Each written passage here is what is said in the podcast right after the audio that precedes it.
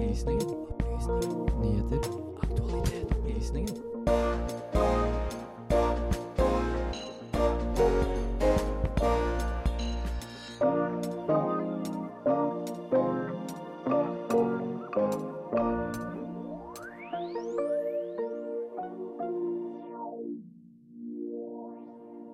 Kommentatorer, opposisjonen og sivile varsler i panikk.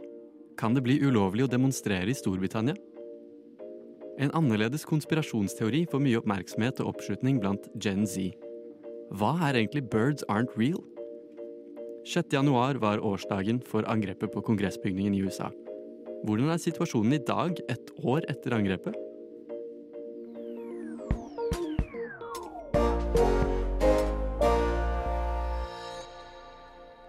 God fredagsmorgen og velkommen, velkommen, velkommen tilbake til Opplysningen 99,3.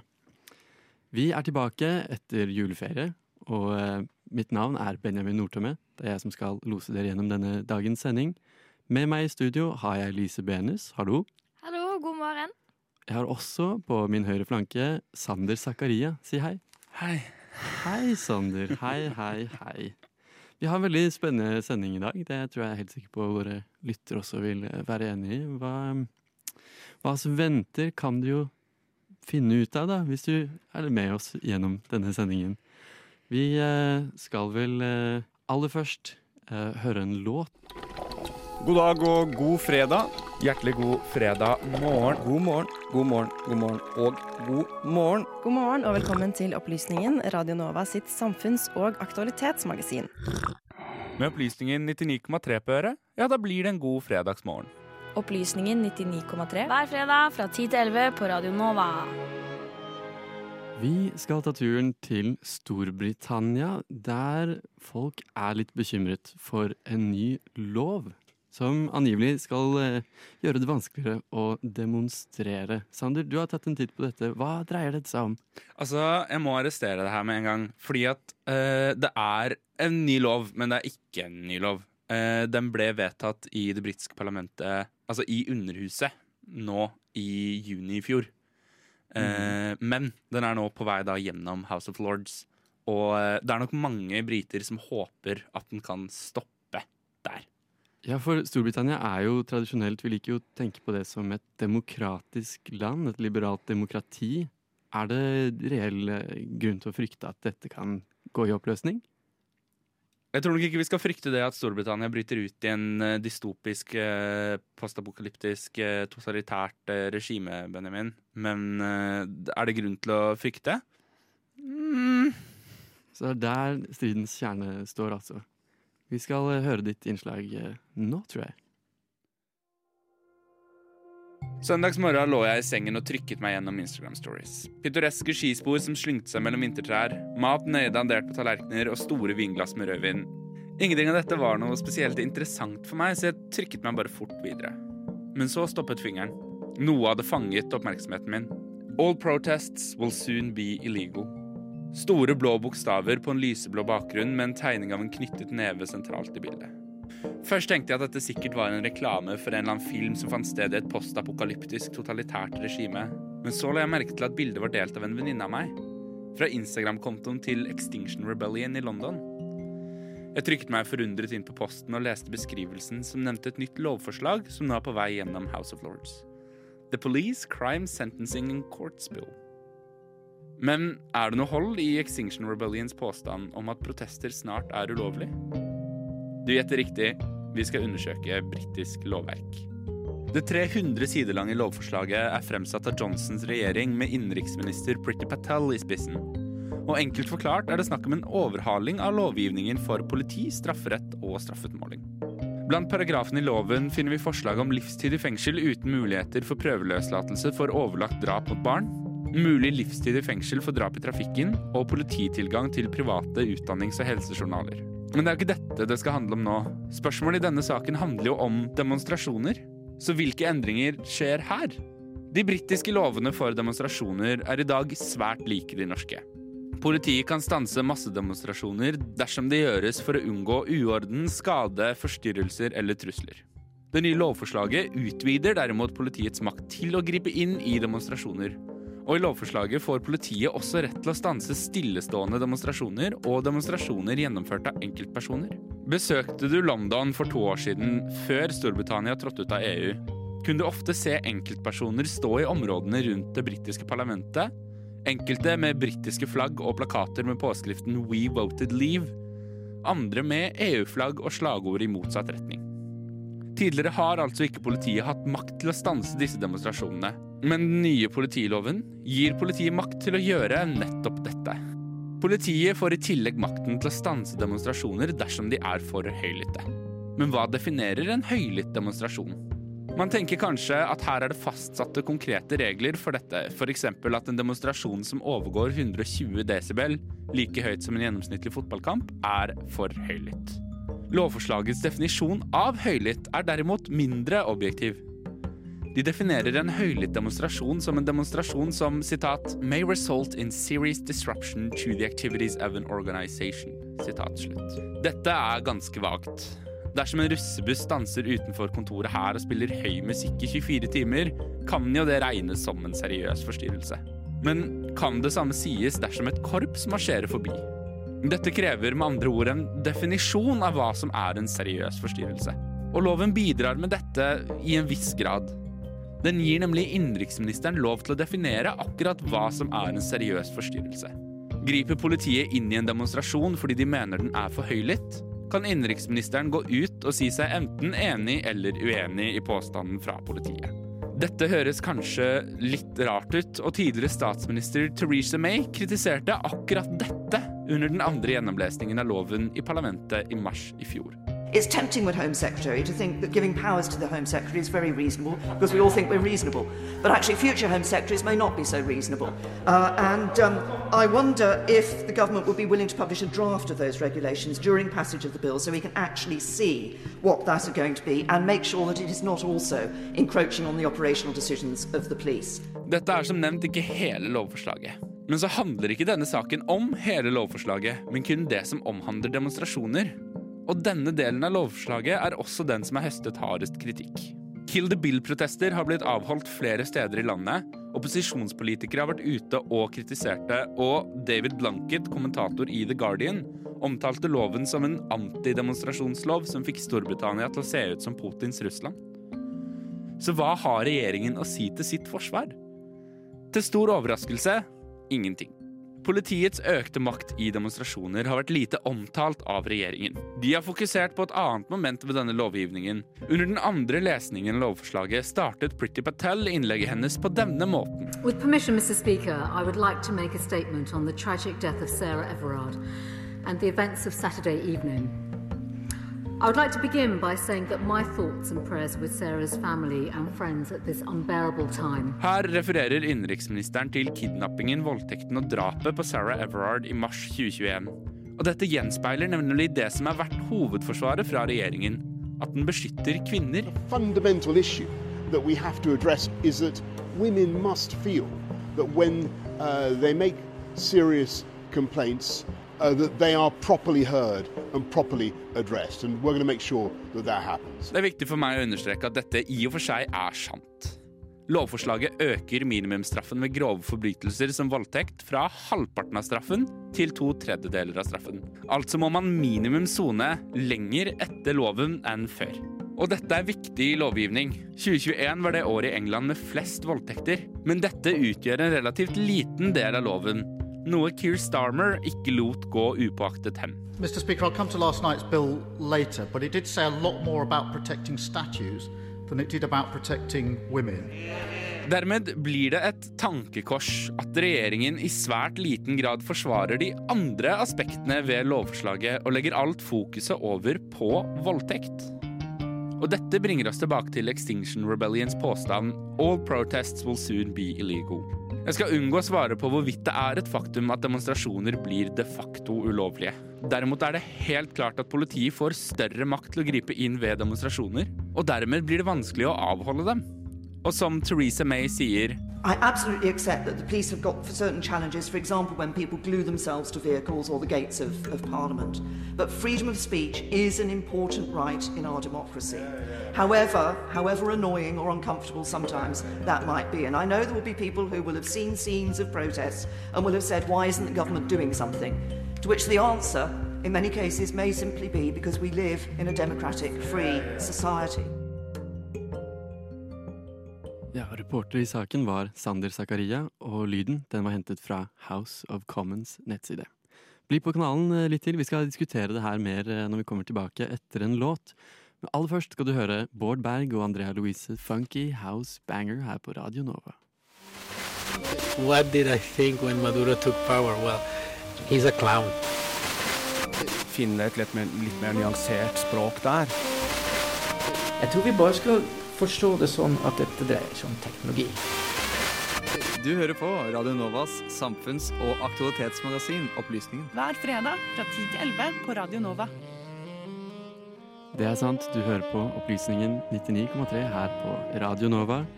Og før uh, musikkpausen så snakket vi om denne UK Policing Bill. Ja, denne loven er nå på vei gjennom House of Lords, altså det britiske overhuset i parlamentet. Og her kommer flere foreslåtte sånne lovtillegg, altså amendments. Kan du fortelle oss litt mer om hva dette er for noe, Sander? For enkelthets skyld så kan vi ta dele det inn i tre ulike kategorier, for å bruke det litt uh, banale ordet. Um, og det første det uh, omhandler det som heter locking on offences. Altså definert da som det å feste seg til en annen person, en ting eller et stykke eiendom. Her eh, foreslår nemlig eh, denne, denne, dette lovtillegget at du kan dømmes til 51 uker fengsel, en bot eller begge deler dersom du gjør det med en intensjon om å forårsake en seriøs forstyrrelse overfor to eller flere mennesker eller en organisasjon. Lovspråket er det beste jeg vet. Uh, og akkurat den samme straffen, 51 uker uh, fengsel, bot eller begge deler, den kan du også få da dersom du uh, med intensjon igjen forstyrrer eller forhindrer trafikkflyten på en motorvei.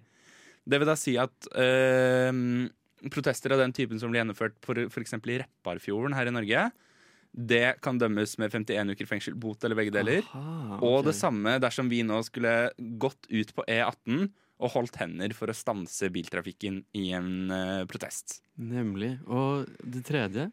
Vi er vel fortsatt på det andre. Um, det, det, gjelder dette som heter uh, stop and search. Altså det å kunne søke et område eller en person uten å først ha arrestert vedkommende.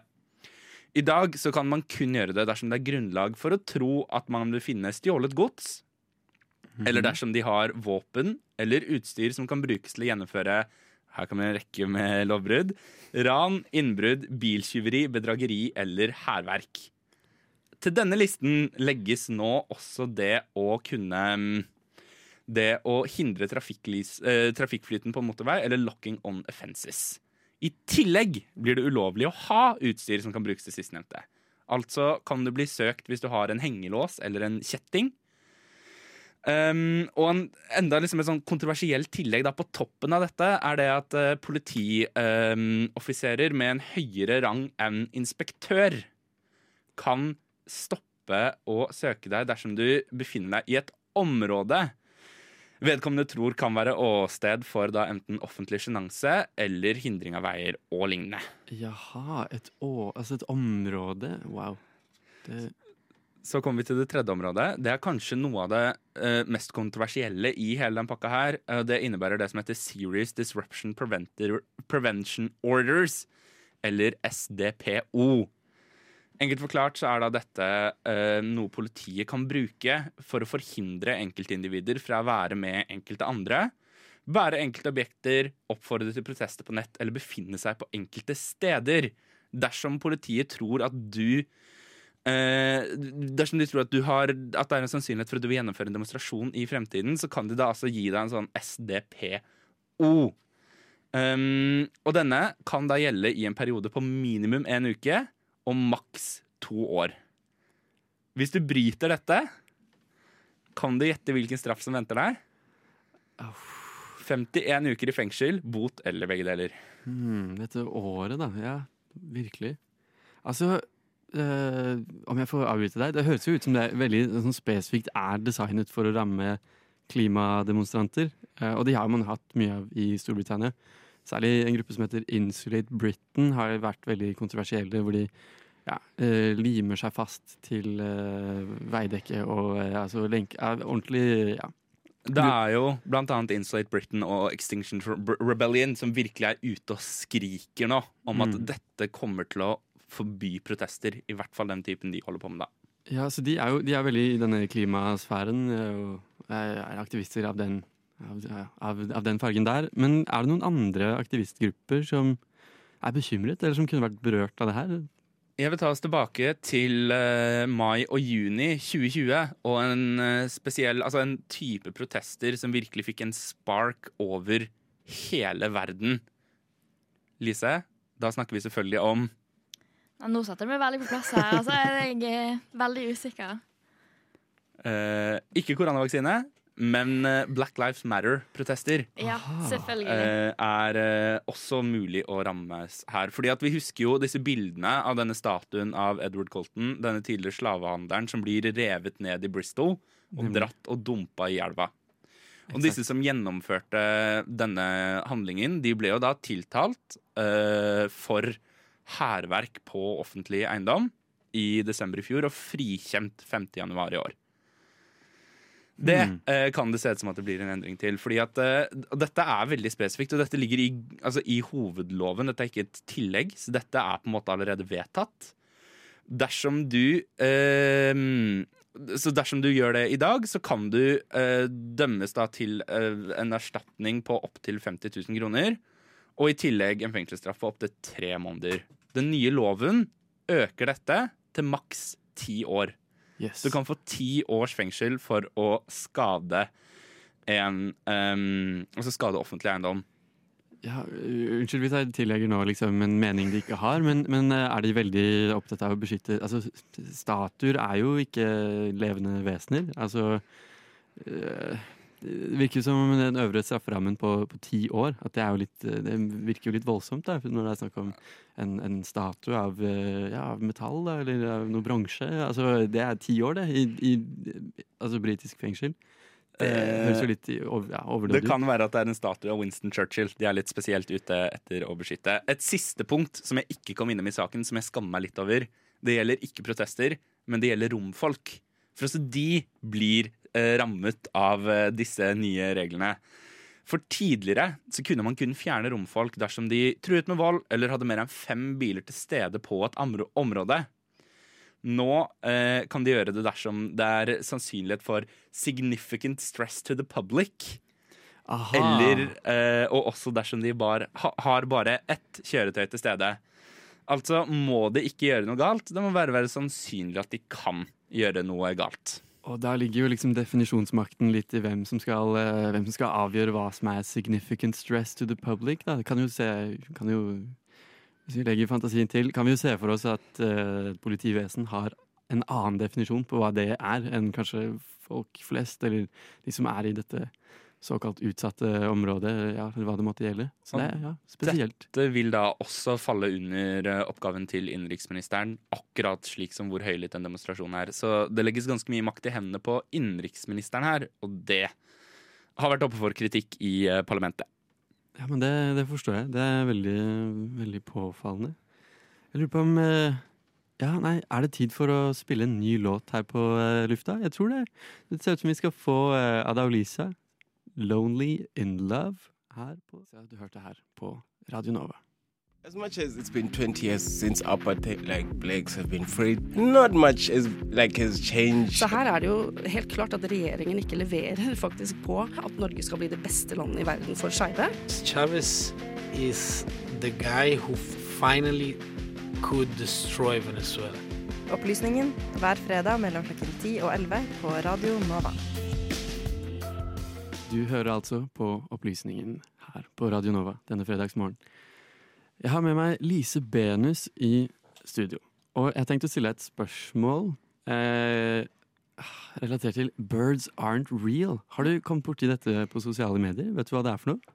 Altså, Jeg husker jeg så en meme en gang av en fugl som gikk bortover, og så ga han en salut til Putin. Um, men eh, det er egentlig det, så langt eh, jeg har hørt den. Jeg har ikke hørt noe mer spesifikt enn det, på en måte.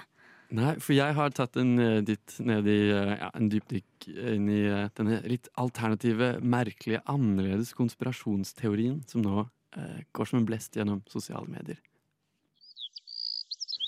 Alle fugler små de er, overvåkningsdroner.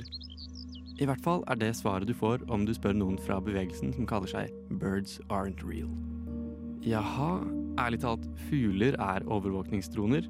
Det virker jo ganske søkt, kan jeg høre dere lyttere tenke.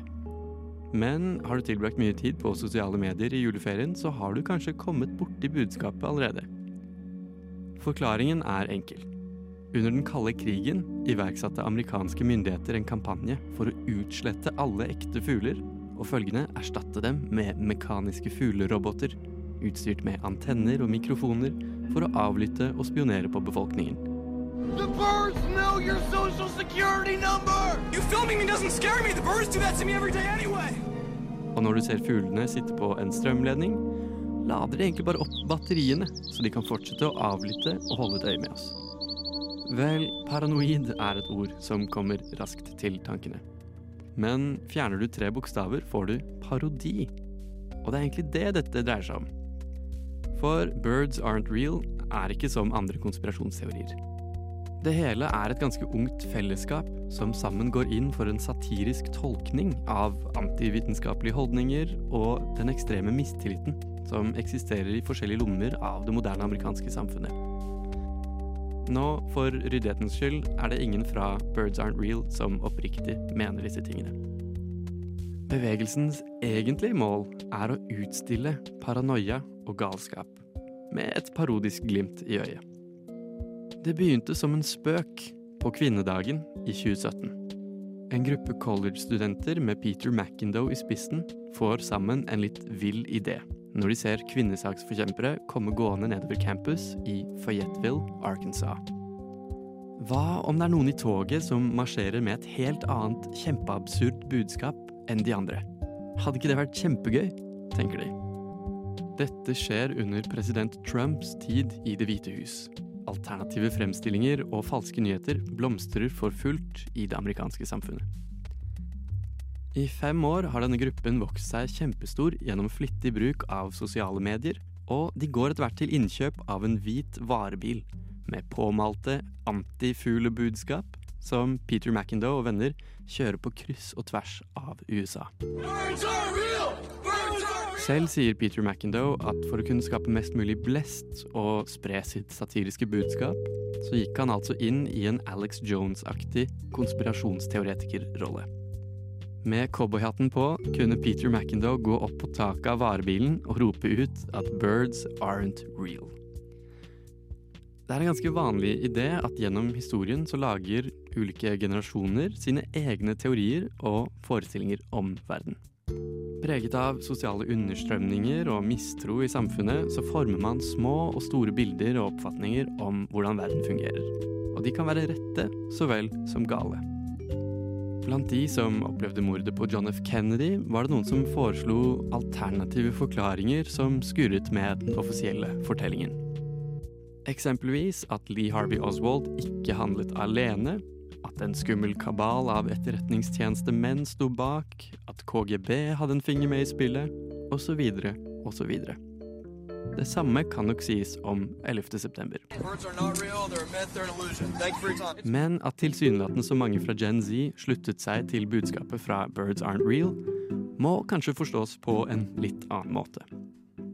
Jo da, de kan fremstå ganske lidenskapelige og overbeviste når de marsjerer rundt Twitters hovedkontor og krever at selskapet bytter logo. Men mest av alt er det en litt avansert in-joke. Ved å gå inn i en rolle og en performance der man tar på seg en mening som man egentlig ikke har, så kan man også forme et sterkt, ekte fellesskap i den virkelige verden.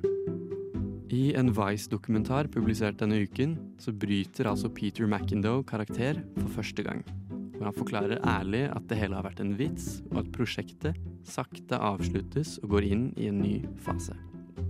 I ekte Gen Z-stil så har man tatt noe så alminnelig som fugler, remixet det og gitt det en helt ny mening.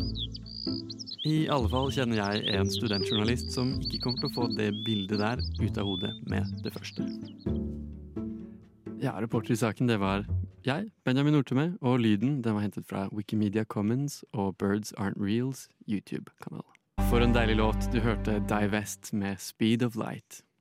Og så bruker han jo da også i forlengelsen av det dette ordet terrorist. ikke sant? På sett og vis er jo det USAs store gave til verdens eh, autoritære Finne et litt mer, litt mer nyansert språk der. De arabiske statene prøver å føre en sånn politikk hvor de kan støtte palestinerne i retorikk, men i praksis holde seg egentlig unna konflikten. Radio Novas samfunns- og aktualitetsmagasin Opplysningen gir deg historiene, sakene og debattene andre overser. Aldri redd, alltid balansert. Ja, forrige torsdag, det var en litt spesiell dato. Det var 6. januar. Og da markerte vi ettårsdagen for noe litt spesielt. Eh, Gjorde vi ikke det, Lise? Jo, det gjorde vi. Den eh, 6. januar 2021 så stormet det rundt 8000 Trump-supportere. Eh, De stormet kongressbygningen i Washington DC. Og de gjorde det da for å forsøke å stanse godkjenningen av Joe Biden som Amerikas neste president. Um, og det, den største pådriveren der, da, det var det de kalte for the big lie. Og det er da eh, Donald Trump og hans supportere som mener at presidentvalget det ble stjålet. Og det var mange eh, stemmer som ikke ble talt, og mange ulovlige stemmer som ble lagt til, da. I den stormingen så var det faktisk minst fem, nei, det var fem personer som mistet livet, og minst 50 som ble skadet. Og de fleste av de som ble skadet, det var da politi som prøvde å stanse eh, stormingen fra Eller folkemengden, da, fra å komme inn i kongressbygningen. Og Donald Trump og, hans nærmeste støttespillere de mener faktisk fremdeles, i det skrivende tidspunktene, eller snakkende tidspunktet her, da, at Donald Trump vant valget, og at han egentlig er den rettmessige presidenten i USA. Ja, nei, det er påfallende. Vi husker jo alle disse dramatiske scenene fra ca. et år siden. Jeg tror alle som fikk det med seg, var eh, ja, sjokkert og overrasket. Så vi skal høre hva du har eh, ja, etterforsket mer om hvordan det er i dag. Det er nå ett år siden stormingen av Kongressen i USA. Men hva har skjedd siden da? I timene etter stormingen av kongressbygningen var det flere som var ansatt i Trumps administrasjon, som mente at nok, det var nok. Blant de som mente dette, var flere store donorer og samarbeidspartnere, som Shopify og Stripe, som trakk sin støtte til den tidligere presidenten. Sosiale medier rettet òg en boikott mot Trump, da flere mente at han og hans tweeter og Facebook-innlegg kan ha helt bensin på flammene. Twitter permanent suspenderte Donald Trump sin Twitter-konto fire dager etter angrepet. Og andre sosiale medier, som Facebook og Instagram, har valgt å utestenge Trump på ubestemt tid. Per skrivende dato har han ikke fått noen av kontoene tilbake. Trump selv har gått til retten og mente at dette var et brudd på hans ytringsfrihet. I kjølvannet av stormingen gikk etterforskere gjennom videoer som ble tatt inne i kongressbygningen. Å finne ut av hvem som var inne i kongressbygningen, ble gjort lettere da det ble klart at svært få demonstranter gikk med maske eller andre former for tildekning foran ansiktet. De stolte bildene av demonstrantene inne i kongressbygningen blir altså brukt mot de i rettsoppgjøret. Det er så langt blitt tatt ut sak mot nesten 700 individer. Rettssakene tar lang tid å få på plass, da det er store strømmer med informasjon og tips fra offentligheten. Rettssaken har òg fått mye motstand fra det republikanske partiet. De ønsker at fokuset blir på de største aktørene i stormingen, og at de som er anklaget for såkalte low level crimes, burde droppes. Flere av Trumps indre sirkel har blitt innkalt til høring, bl.a. Mark Meadows, tidligere stabssjef i Det hvite hus under Trump, Steve Bannon, Trumps nærmeste politiske rådgiver, og Kashab Patel, tjenestemann i Forsvarsdepartementet under Trump. Det ble krevet at de skulle legge frem forskjellig dokumentasjon og stevne for rettssalen for å finne ut av Donald Trumps rolle i stormingen. Meadows nekter å gi sentrale dokumenter og dukket på et punkt heller ikke opp som vitne i rettssalen. Han har da selv blitt saksøkt og holdt i forakt. Meadows står sentralt i rettssaken ettersom han var ved Trumps side både før og under stormingen 6.1.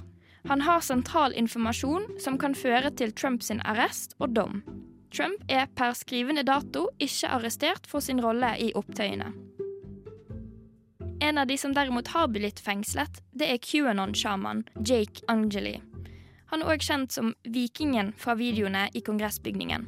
Han blir ofte omtalt som ansiktet for stormingen, da han er en av de som er lettest å kjenne igjen på videoene og bildene. Han har seinere uttalt anger for sin rolle i stormingen.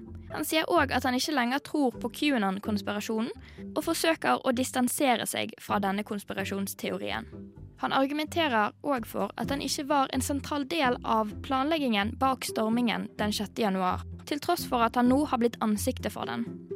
Han har erklært seg skyldig og inngått en avtale med rettsmyndigheten om å nå sitte inne i fengsel i knappe 51 måneder. Det vil da si tre år og tre måneder. Dette er da istedenfor de potensielle 21 årene han først sto ovenfor. Per januar 2022 er det 171 andre mennesker som har inngått en lignende avtale med rettsmyndigheten. I desember 2021 var det totalt 50 andre personer som hadde blitt dømt for deres rolle i stormingen av Kongressen. Ifølge en artikkel skrevet av CNN har mindre enn halvparten av de tiltalte blitt dømt til faktisk fengselstid. De fleste har fått et utvalg av forskjellige mindre alvorlige straffer, som bot eller husarrest. Det er flere som mener at denne milde straffen sender feil signaler ettersom de sto i veien for en så viktig demokratisk prosess i USA. Både offentligheten og Kongressen er delt på om demonstrantene er voldelige mennesker som fortjener lange fengselsstraffer, eller om de simpelthen var mennesker som utøvet sin ytringsfrihet. En av de personene som fikk en mild dom, det var politimannen Thomas Robertsen. Han ble løslatt fra varetekt av en føderal dommer, men fikk forbud mot å ha skytevåpen. På en tilfeldig undersøkelse av hans eiendom fant politiet flere skytevåpen samt deler til hjemmelagde bomber hjemme hos Robertsen. Han skal ha bestilt over 30 våpen via postordre etter at han ble løslatt fra varetekt.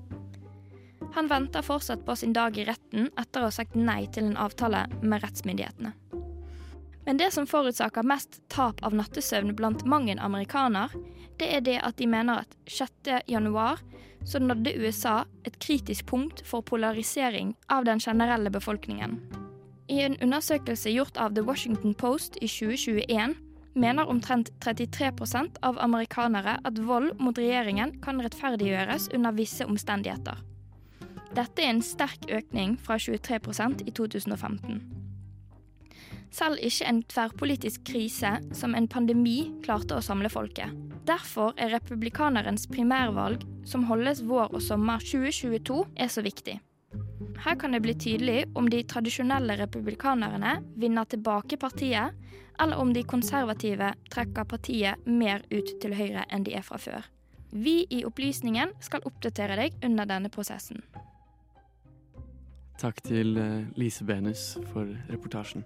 Du skal høre en ny låt. Dette er Lekende lett med Late som. As much as it's been 20 years since apartheid, like blacks have been freed, not much is, like, has changed. Så her er det jo helt klart at regjeringen ikke leverer faktisk på at Norge skal bli det beste landet i verden for skeive. Chavez is the guy who finally could destroy Venezuela. Opplysningen hver fredag mellom klokken 10 og 11 på Radio Nova. Tusen, tusen, tusen takk for at du har hørt på. Vi nærmer oss slutten, og Vi skal snart uh, ønske deg god helg. Men før vi gjør det, så vil jeg gjerne spørre de jeg har i studio her med meg, Sander og Lise. Sander, hva har du lært i dag? Eh, det jeg har uh, lært i dag, er at um, du er overraskende kreativ når det kommer til uh, måter å synge inn saker på. Takk skal du ha. Jeg har jobbet litt med, litt med den. Lise, hva, hva, skiller seg ut? Hva er i frontallappen akkurat nå? Hva er det du har lært? Jeg har lært uh, at Sander kan overraskende mye om britiske lovforslag og uh, den slags. Ja, det er litt vilt. Det er, det er takknemlig for at vi har eh, en britisk lovekspert uh, i studio. Om jeg leser 300 sider med britisk lovgivning hver uke? Ja. ja men det er flott. Det er flott. Ja, jeg har da altså vært Benjamin Nordtømme. Med meg i studio har jeg hatt Lise Benus og Sander Zakaria. Bli værende på kanalen eh, litt til, er du snill, for du skal få høre studentnyhetene. De kommer nå etterpå. De har snakket om strømstøtten. Kontroversielt tema, men viktig for oss studenter. Altså, hallo, det har vært eh, voldsom økning i pris. Herre, herre min hatt, herre min hatt. De skal se på de nye restriksjonene, eller endringen, som har kommet nå. Og så skal de gi deg helt til slutt en nyhetsoppdatering av 2021 som nyhetsår, rett og slett. Kan jeg få lov til å komme med et ønske? Oi, ja. Kan vi avslutte dagens sending med allsang av eh, Alle fugler små de og overvåkningsdroner? Ok. En, to, tre, fire. Alle fugler små de er overvåkningsdroner. Wow.